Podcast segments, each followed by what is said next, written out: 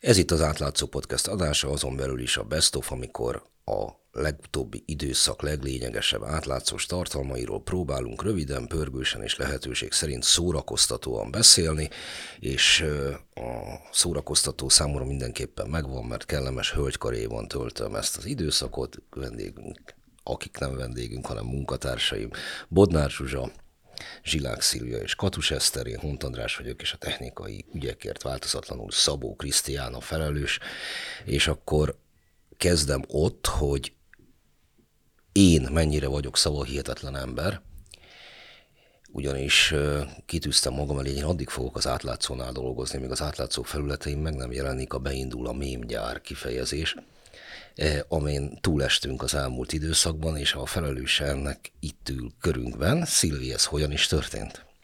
Hát én a cikket vagyok felelős maximum. nem a mémgyár, nem a mémgyár címadásra gondoltam, hanem az, hogy ami a mémgyár címadást ihlette. Uh-huh, a lomkoronás sétány, hát ez, ez beesett hozzánk, és mi szépen feldolgoztuk, hamarabb, mint mások. Számítottál arra, hogy beindul a mémnyár és letarolja az internetet? Mm, ez érdekes, mert amikor ott voltunk, akkor mi is nagyokat röhögtük. Mm, nem gondoltam volna, hogy ez ennyire átüti végre az inger küszöböt. Tehát nagyokat röhögtetek, amikor ott voltatok, ugyanis roppant röviden, akkor arról van szó, hogy van egy erdő, amelynek megtekintésére uniós forrásokat lehet felvenni, mármint hogyha valaki arra pályázik, hogy épít egy olyan ö, tárgyat, amely a fák lombkorona szintjén húzódik, és meg lehet tekinteni a fákat. Kivételt képez ez alól az eset, hogyha azokat a fákat, amelynek a megtekintésére szolgálna ez az objektum közben kivágják. Igen, mi komolyan indultunk ennek neki, szóval így, így, így kicsit így kételkedtem, hogy tényleg kivágták-e a fákat, miközben, vagy voltak-e ott fák, és akkor így kiszálltunk, és így ott voltak a faronkök, szóval, hogy még el sem akarták tüntetni ezeket, és így, így tényleg egyértelművé vált, hogy mennyire abszurd ez az egész, egész beruházás, amire én nem számítottam, hogy ennyire átüti végre az ingek, ingek küszöbet az embereknél, hogy felkapják a fejüket, hogy igen, itt ez az uniós pénz, ez nem helyesen lett elköltve. Sikerült-e már kapcsolatba lépni Nyírmárton fal vamos. Ö, nagyon nehezen. Mi próbáltunk e-mailben, próbáltunk személyesen kapcsolatba lépni a polgármester úrral, de nagyon elzárkózott ettől a lehetőségtől. Az egyik rokonával sikerült még ott a helyszínen beszélni, illetve én múltkor felhívtam őt, hogy beszélgessünk. Ő kevésbé akar beszélgetni, és azt mondta, hogy nagyon undorító dolgokat írok róla, és majd a bíróságon találkozunk. Az undorító dolog az abban merül ki, hogy van egy lombkorona sétány, amelyhez nem tartoznak lombok a polgármester úr állítása szerint. Igen, meg a vendégháza, amire uniós támogatást kapott szintén, és abból építette fel, és oda is ellátogattunk. Mm, alapvetően valamiért neki ez az egész ügy nem tetszik. Én nagyon szívesen vendégül láttam volna, akár ebben az adásban, de tényleg annyira szorítkozott a velünk való kommunikációban, hogy helyreigazítási kérelmet küldött, miután sikerült lehozni a lombkorona nélküli lombkorona sétányról szóló cikkeket, Filemon Mihály Nyírmárton falva polgármesteréről beszélünk, mely település egyébként a nevével ellentétben Hajdubihar megyében található, vagy pontosabban arra következtetnénk, hogy nem ott van, de Hajdubihar megyében található, és a polgármester úr annyira sikeres, hogy ha jól tudom, Filemon Mihályt eddig több uniós pénzzel támogatták, mint Nyírmárton falvát magát. Hát mondjuk még visszacsatolok arra, hogy azért szerencsére más sajtót, sajtóorganumoknak or, ö, nyilatkozik a polgármester, csak nekünk nem. Most már szerintem eljött az a pillanat, hogy ha az RTL Klub vagy az ATV megkeresi, akkor szobál velük. Mm, szerintem most az átlátszó, akivel egyáltalán nem akar szobálni a Nyírmátonfalva polgármestere. De mi ezt akkor elfogadjuk. Ö, mi volt a másik kérdés? Hát, hogy ő saját maga több uniós pályázatot nyert meg, mint a falu. Ö, igen, mi is ezt gondoljuk, de azért most pont ennek egy, pont egy cikket ebből összeállítunk, hogy akkor ezt pontosan összesítsük ezeket a számokat, hogy nehogy kimaradjon valami. Nem fog neki örülni. Mindennek ellenére azt mondta, hogy átütötte az inger küszöböt. Itt volt egy podcast adásunk az Integritás Hatóság elnökével, arról próbáltuk fogadni, hogy az frissiben felállt hivatal és a mellé rendelt munkacsoport az miként próbálja majd az uniós pénzek felhasználását teljesen tisztává tenni, és egyfelől ennek az egyik útja a bejelentések, amelyek érkeznek, amelyeket kötelező megvizsgálni, a másik útja pedig az, hogy ők egy saját menetrend szerint próbálják majd vizsgálni a pénzköltéseket, és nyilvánvalóan ennek a fő szempontja a mérték lesz, tehát hogy mennyi pénzt nyertek egy pályázatra, és amikor itt rákérdeztünk a lomkorona sétányra, mely szimbólumává vált a uniós pénzek hm, meglehetősen fura felhasználásának, erre ő azt mondta, hogy ez nem fontos. Most itt Eszterhez fordulok, hogy ezzel szemben meg mi az, ami fontos, mert valószínűleg Filemon Mihály, hát aki megtalálja a maga számítását ott a keleti végeken is meglehetősen ügyesen intézi a saját kis ügyeit, ehhez képest nem gondolom, hogy az ország legnagyobb oligarcháivá emelkedett volna egy lomkorona sétánytól, egy panziótól és egyéb e, uniós e, pénzekből. Van viszont olyan, aki ezt megtette, bár úgy gondolom, hogy a, az indulása az nem volt sokkal kedvezőbb, mint Filemon Mihályé. Ó, de hogy nem, hát kihagysz egy részletet, ha ugyanarra az emberre gondolunk, és ez jelen esetben Mészáros Lőrinc, attól tartok, neked azért volt egy nagy előnye az, hogy Orbán Viktor gyermekkori jó barátja, ami Filemon Mihályról nem mondható el. Úgyhogy de, volt különbség az indulásnál. Na, de nem mondható el, de lehet, hogy majd kideríti Filemon Mihály még ezt is, és akkor hozzá, és akkor még, még akkor lesz, lesz neki Egyébként tudom, részben, tehát hogy nem tudom végül, mi lesz ennek a kimenetle, ezt tudom, hogy több helyre ugye tettek panaszt, jelezték az Olafnak, és ugye ezt a, a házi meg a transzparenci is adott be ugye az Unió is, vagyis hát szeretnék, ha majd vizsgálná, ugye több, illetve hát az integritás hatóság is szeretné, ha vizsgálnák ezt az egész lomkorona sétányos ügyet, ami szerintem azért jó, és talán azért tudott ilyen sikeres lenni, mert már annyira látványos ez a pénzégetés, amire eddig lehet, hogy volt példa, de talán nem kapott ekkora nyilvánosságot. Tehát ugye a Hatházi Ákosra vettük fel ugye közösen ezt az anyagot, ő már ugye rengeteg ilyen projektet bemutatott, mi is nagyon sok dolgot megírtunk már, rengeteg közbeszerzést, de hogy például a közbeszerzési eljárásokkal, mint olyan, az emberek nagy része nem találkozott, hiába írunk már mi is róla évek óta, de mondjuk most volt egy olyan eset a Longkorona sétány mellett, ami, ami szintén így felkeltette az emberek érdeklődését ez iránt, és ez ugye az volt, hogy a Budapesti Korrupciókutató Központ az több más megállapításra jutott egy ilyen több ezer mintás vizsgálat után, és az egyik az az volt, hogy vannak, van három olyan cég Győrben, akik évek óta több száz, több mint 500, meg több közel 300 közbeszerzést megnyertek verseny nélkül. És hogy hát itt azért ugye kiderült, hogy hát akkor itt valami nem stimmel ezekkel a közbeszerzésekkel, hogy ez hogy lehetséges, hogy verseny nélkül ennyi ennyi pályázatot elnyertek ezek a cégek. Na hát, hogy hogy lehetségesnek az egyik útja az, hogy megnézzük, hogy kik állnak ezen cégek mögött. Hát kik állnak ezen cégek Igen, mögött. ez az egyik, de Uh, nyilván politikai hátszéllel rendelkező emberekről beszélünk, de nem csak az áll emögött, hogy kik állnak emögött, hanem az is, hogy hogyan lehet belenyúlni például egy ilyen rendszerbe, ami elvileg átlátható és elvileg törvényes, jogos vagy körülmények között zajlik le. Mondjuk egy ilyen kiírás, ugye megvan a kiíró, hogy hogyan megy végig, hogy egy ilyen pályáztatást, hogy jelentkeznek ugye cégek, akkor közülük bizonyos szempontok alapján kiválasztják a nyertest, és hogy akkor a végén valakivel megkötik a szerződést, aki bizonyos összegért megcsinálja az adott feladatot, és ugye ezekben az esetekben is elvileg ránézésre úgy tűnt, hogy ez történt, de valójában nem ez történt, tehát nem az történt, hogy több mint 500 közbeszerzést elnyert az adott cég, ez ugye az egyik például Strabag volt, a másik a Kifükar ZRT, illetve a Vilkor Kft., hanem, hanem az történt, hogy egy nagy keret megállapodást kötöttek velük, és innentől kezdve az elkövetkező években minden egyes megbízást ugyanaz a cég kapott, mivel nem is tudott tudta más megkapni, mert csak ő vele volt keretmegállapodás kötve, és ennek mindig az lett a vége, hogy ők nyerték el. Tehát ez több száz különálló pici megbízás volt, de valójában egy nagy keretmegállapodás. Tehát, hogy itt nem csak azon múlt, hogy ki áll a cégek mögött, hanem az is, hogy ezt hogyan lehet látszólag törvényes keretek között lebonyolítani. Amikor olvastam a cikkedet, akkor természetesen felélmettek mindazon olvasmány élményeim, amit az elmúlt, mit tudom én, majdnem húsz évben már a Strabag ügyében ö, olvastam és az a keretmegállapodás, amit emlegetsz, az szerintem megelőzte egy másik keretmegállapodás, ahol a Strabag állapodott meg a magyarországi elben versenytársakkal. Itt ugyebár egy olyan cégről van szó, mi osztrák, Jó.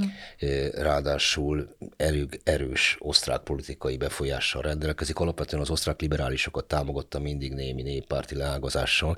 Nem véletlenül, hogy 2015 Kövér László jelenlegi házelnök Strabag Demokraták Szövetségének nevezte a magyar parlamentben jelenlévő liberális pártot, ehhez képest a Strabag elég gyorsan váltott, és a magyar realitásokat hamar felmérve tudta, hogy kivel kell megállapodni. Egy jó cég az alkalmazkodik a környezethez. Igen, igen, csak hogy azt akarom mondani, hogy itt, itt nyilván a Strabagot nem Magyarországon növelték fel hatalmas cégé, nem magyar hátterű cég, ehhez képest meglehetősen jól alkalmazkodott a magyar viszonyokhoz, és ha jól látom, ha jól értettem a cikkeidből, mert ez így szó szerint nincsen benne, akkor előzetes megállapodást kötött mindazon cégekkel, amelyekről viszont nem mondható el az, ami a Strabagról, tehát hogy nem magyar hátterűek, és nem a magyar politika neveztette föl. Hát én erről nem tudtam, tehát hogy én ezt nem jelenthetem ki, hogy ők előtte mibe állapodtak meg, vagy mibe se. Ugye mi azt látjuk, ami a közbeszerzési hatóság oldalán fent van, ugye az lkr.hu fönn van, mi ugye azokat látjuk, ami meg lett hirdetve, és azt hogyan nyerik el. Nyilván vannak jelek, hogy ami arra utalhat, hogy ez egy korrupciógyanús, vagy egy tiszta közbeszerzési eljárás volt.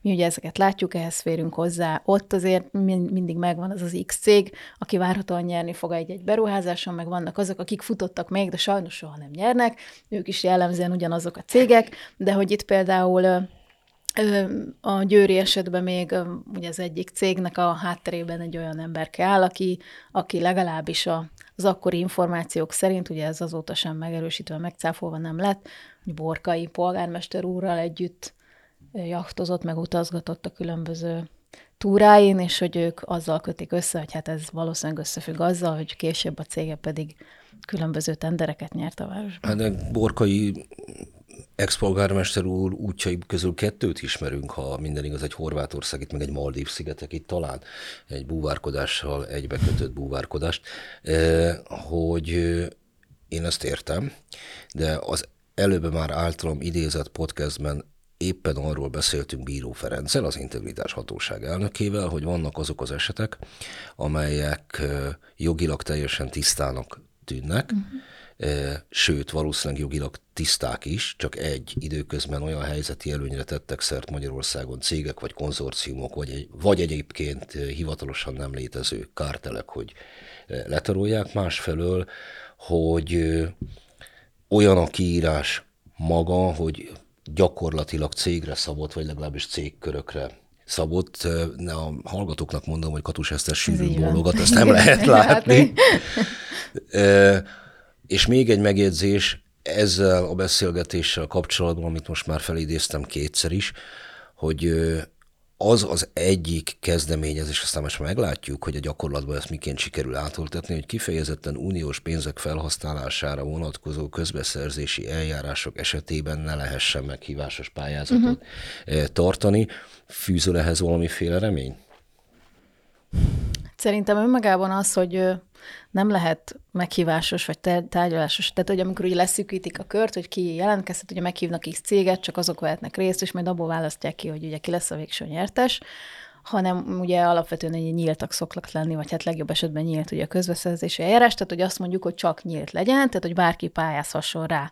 Na most jelenleg is nagyon sok szerződés, vagy kiírás az nyílt, mégsem pályáznak rá. Ennek ugye több oka van. Az egyik, hogy már nincsenek olyan cégek, akik tudnának pályázni, mert már az elmúlt években nem jutottak forráshoz, ezért becsődöltek, vagy abba vagy nem tudom akkor lesznek olyanok, akiknek tök mindegy, hogy nyílt vagy meghívásos, mert ők így is úgy is tudnak jelentkezni, mert nekik vannak olyan, nem tudom, hátterük, vannak olyan gépeik, vannak olyan felszereltségük, alvállalkozóik, stb., akikkel tudnak indulni, és valószínűleg is fogják nyerni. Ugye ezek között nagyon sok a NER cég, vagy hát kormány közeli cég, úgyhogy ők biztos, hogy fognak tudni indulni, tehát ez nem fogja kizárni azt, hogy ugyanazok jussanak előnyhöz, akik mondjuk eddig is. És hogyha egyébként a feltételek között olyan paramétereket határozunk meg, aminek csak X cég fog megfelelni, akkor ugyanott tartunk, mintha meghívták volna őket. Tehát, hogy én önmagában nem hiszek abba, hogy ezzel kizárható lenne, vagy, vagy javítható lenne az arány. Hát, hogy tovább fűzem, amit te mondasz, ráadásul valószínűleg az elmúlt években megindult egy szakember váldorlás bizonyos cégek fele, tehát, hogy Igen, ez nem. A, a, azok, a, azok a hozzáértő emberek, akik mondjuk a kivitelezést meg tudják csinálni, vagy önmagában a pályázati kiírásnak megfelelő pályázatot meg tudják csinálni, szóval azoknak a száma egy ekkora országban véges. De véges a mérnökök száma is egy országban, hogy ilyen roppant frappáns átkötéssel éljek. Amikor újságírónak mentél Zsuzsa, és ezt most már Bodnár Zsuzsától kérdezem, mint ezt ki lehetett találni, akkor valószínűleg nem gondoltál azt, hogy egy mérnöki kamarai állásfoglalás fog, ha már egyszer letarolta az internetet, szóval fog 20 ezer megosztást elérni. Hát erre nem számítottam, de nem is pontosan fogalmaztál, András. De az Köszi én... szépen. de nem te vagy elsősorban a hibás, hanem a cikk címében ugye az volt, hogy a Magyar Mérnöki Kamara kritizálja az akkumulátorgyárakkal kapcsolatos eljárásokat. De hát a mérnöki... Ennek a zöld tagozata. De kiderült, hogy csak a zöld tagozat, tehát hogy a környezetvédelmi tagozata az, amelyik Olvastam kritikát... ám a cikket, csak azért szúrtam ezt ide, mert hogy ne. Hát a mérnöki kamarának a véleménye az utólag került a cikk végére, ők megkeresték a főszerkesztőt, és kérték, hogy tegye közzé azt is, hogy a mérnöki kamarának nincsen állásfoglalása a témában, mert még nem rendelkeznek elegendő információval, ezek szerint nem olvassák A az téma az az akku, akkumulátorgyárakat jelenti, és az akkumulátorgyárakkal kapcsolatban fogalmazta meg az aggájait a mérnöki kamara környezetvédelmi tagozata. Igen, és pontosabban az engedélyeztetéssel, ugye a környezetvédelmi tagozat az a környezetvédelmi ügyekhez tud hozzászólni, és az átlátszóban már korábban megírtuk azt az elképesztő dolgot, hogy amikor a Debreceni CIETL engedélyeztetési eljárásra elindult, akkor hoppá-hoppá, ott egészen más követelményeket szabtak, mint a korábban épült gyárak esetében. Tehát konkrétan a Gödi és Komárom és Iváncsai gyárak esetében környezetvédelmi hatásvizsgálatot nem kellett lefolytatni, sőt, engedésekkel hozzá. Tehát Magyarországon nem kell engedélye ahhoz, hogy egy ekkora üzem épüljön. És arra a törvényhelyre hivatkoztak. Főt kukorica árusításhoz, ez egy főt kukorica árusító volt ismerősömtől, tudom, valami 27 darab engedélyt kell beszerezni. Igen, de lehet, hogy nincs köztem mondjuk egységes környezethasználati engedély, tehát hogy ezek ilyen nagyon kacifántos és hosszú szavak, amire most a környezetvédelmi tagozata a mérnöki kamarának reagált, gondolom nem feltétlenül csak a mi cikkeinkre, bár hozzáteszem, hogy a tanulmányt, aki készítette, az megkeresett engem, aki a e, segítő tanulmányt készítette, és ők úgymond hát kritizáltak is a Gödigyár esetében, és azt mondták, hogy ott azért már kellene egy új felülvizsgálati eljárás, mert hogy olyan nagy az zaj és olyan környezeti hatások lehetnek, esetleg tényleg egy 120 hektáros gyárnak lehet jelentős környezeti hatása, tehát nézzük már meg. Másrészt viszont egy iránymutatót vagy útmutatót is készítettek a későbbi akkumulátorgyárak számára, amikből várható még, ugye, mert a kormányzati szándék az, hogy akkumulátorgyártó nagyhatalom legyünk, tehát ehhez készítettek egy iránymutatót, úgymond, hogy mire kellene figyelni. Vannak meglepő dolgok azért ebben, amit úgy ki is emeltem a cikkben. Például eddig arról volt szó, hogy ezekben a gyárakban csak fizikai reakciók történnek, mert ugye ezek ilyen összeszerelő üzemek. És akkor a szakember azt mondja, amit egyébként mi is mondunk, meg józan paraszt és értelmű, de hát itt kémiai reakciók is történnek, és akkor ezt most leírták, hogy hát azért az elektróda előállítás során kémiai reakció is történik. Na most egy kicsit olyan furcsán érzi magát az ember, hogy ezt nem tudták eddig eldönteni az elmúlt években, hogy fizikai vagy kémiai reakciók történnek, és ha kémiai reakció is történik, ez az egyik érve a mérnöki kamara környezetvédelmi tagozatának, akkor mindenképpen kell hatásvizsgálat, és azt is hangsúlyozzák, hogy rengeteg lakossági panasz van, elvesztették az emberek a bizalmukat a hatóságokban, ezeket vissza kellene nyerni, tehát azért ők elég finoman és lágyan fogalmaznak a tekintetben, hogy, hogy egy kicsit alaposabban kellene ezeket az engedélyeket kiadni. Hát a kamara lennék, most én is óvatosan fogalmaznék, nehogy úgy járjak, mint az orvosi kamara. Hát igen, meg egyrészt, hogy a, András mondta, hogy sok mérnök van, tehát a mérnöki kamara, hogy építőmérnököket és mindenféle mérnököket csoportosít, akiknek esetleg érdekeltségük van abban, hogy ezek a gyárak épüljenek, hiszen ők is részt vesznek az építkezésben. Jó ez így van, annyit zárójelbe teszek, szerintem egyébként az, az a rendben lévő helyzet, ami az orvosi kamarával történt, és nem véletlenül történt már magát a 2000-es évek végén, szóval én a kötelező kamarai tagságnak nem vagyok híve. De akkor a többi se legyen. Így, így, így, Paraglászlót nem értem, nem a, nem a önkéntes orvosi kamarai tagságot. Térjünk egy kicsikét vissza ehhez az akkumulátorgyártáshoz. Én, én meg azt nem értem, hogy józan észre, hogy lehetett olyat mondani, hogy csak fizikai reakció fog történni ezekben a gyárakban, hiszen egy autógyár esetében, ahol a, behozzák az alváz részeit valahonnan, a motort összeszerelik, még el tudom képzelni. De egy akkumulátor esetében az összeszerelés ez számomra egy, egy ilyen abszurd valami, hiszen ott folyadék van benne az akkumulátorban. A, a lítiumot azt nem lehet vödörben hozni az akkumulátorgyárba. Bizonyos részmozzanatok, tehát például a katódnak az elkészítése, az máshol történik, az például a Debreceni katódgyárban fog történni, és akkor ott elismerték, hogy ott a vegyi reakciók zajlanak. Mondom még egyszer, ezeket akkumulátor összeszerelő üzemnek nevezik, ahol összeszerelik a meglévő anyagokat. Itt a kérdés például az volt, amit az átlátszóban megértünk, hogy ez a bizonyos mérgező oldószer, az NMP nevű oldószer, azt mire használják, és ugye azt a katód bevonatolásra használják, tehát ugyan ugyanaz van a műszaki leírásában a Gödi gyárnak, mint a Debreceni gyárnak. Az egyik esetében azt mondják, hogy ez vegyi folyamat, és akkor ott kell környezeti hatás, a Gödiben nem. Ez most csak azért érdekes, hogy azért ezt egy, egy tehát ez egy tehát itt pert kéne indítania, nem tudom kinek egyébként, mindenkinek, aki úgy gondolja, hogy ez sérti az ő érdekét, mondjuk Göd lakosságának, mert hogy itt nem szerint egy véleményről van szó, hogy adjunk egy úgy mutatót, hogy hogyan készüljön a hatástanulmány, hanem hát itt azért esetleg törvénysértés is történt, úgy adták ki, hogy, hogy nem megfelelően. Oké, okay, akkor oda, ahonnan indítottam, 20 ezer megosztás van ezen. Ez ugye a nagy hírportálok esetében, hogyha a tizedét elérik egy-egy cikknek is, hát ez valami hatalmas bravúr részükről. Te ezt minek tulajdonítod, hogy én nem gondolom, hogy az akkumulátor, tá, akkumulátor gyártás rejtelmeivel fekszik és kell mindenki jelen pillanatban az országban. Ez a közvetlen érintettek körében vált egy ilyen referenciaponttá, és kezdik el osztogatni, hogy mit mondott a mérnöki kamara környezetvédelmi tagozata. Most nem csak az debreceniekre gondolok, hanem Iváncsán, Gödön, Győrben, ahol ilyesmi felmerül, vagy, vagy, vagy az akkumulátor valami miatt egy ilyen abszolút sláger témává vált. Abszolút sláger témává vált az akkumulátorgyártás.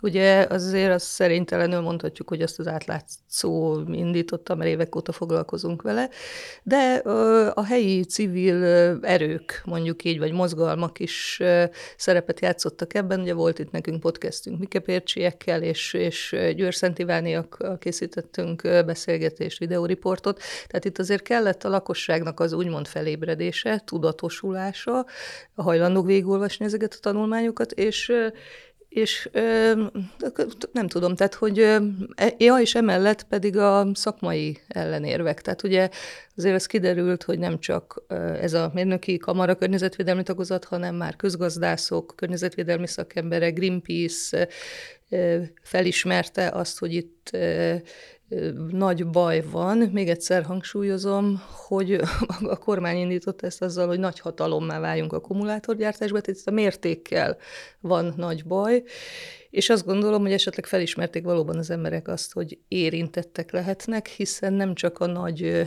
üzemek, hanem az azokat kiszolgáló kisebb üzemek nyírségtől kezdve egészen szombathelyig, vagy nem tudom, tehát hogy ő, szombathely pont nem jó példa, mert ott például kiadtak egy tiltakozó ö, petíciót a helyi vezetés, tehát hogy, hogy valóban felismerik azt, hogy, hogy ha nagyhatalom akarunk válni, akkor itt bizony nagyon sok település és annak lakossága érintett lesz. Mondjad ezt el. Én azért nem zárnám ki ezt az orvosi kamarával való és ügyet, kamara, ami szerintem ez valamilyen szinten megalapozta ezt, hogy a kamara szó, mint olyan, az ilyen hívó jellegű. Már ők is. Tehát önmagában szerintem nem, nem feltétlenül lett volna ekkora sikere ennek az egy mondatnak, mert igazából nem feltétlenül lehet, hogy csak a cikk, hanem maga ugye a cím. Ami ugye bevonz, igen. igen.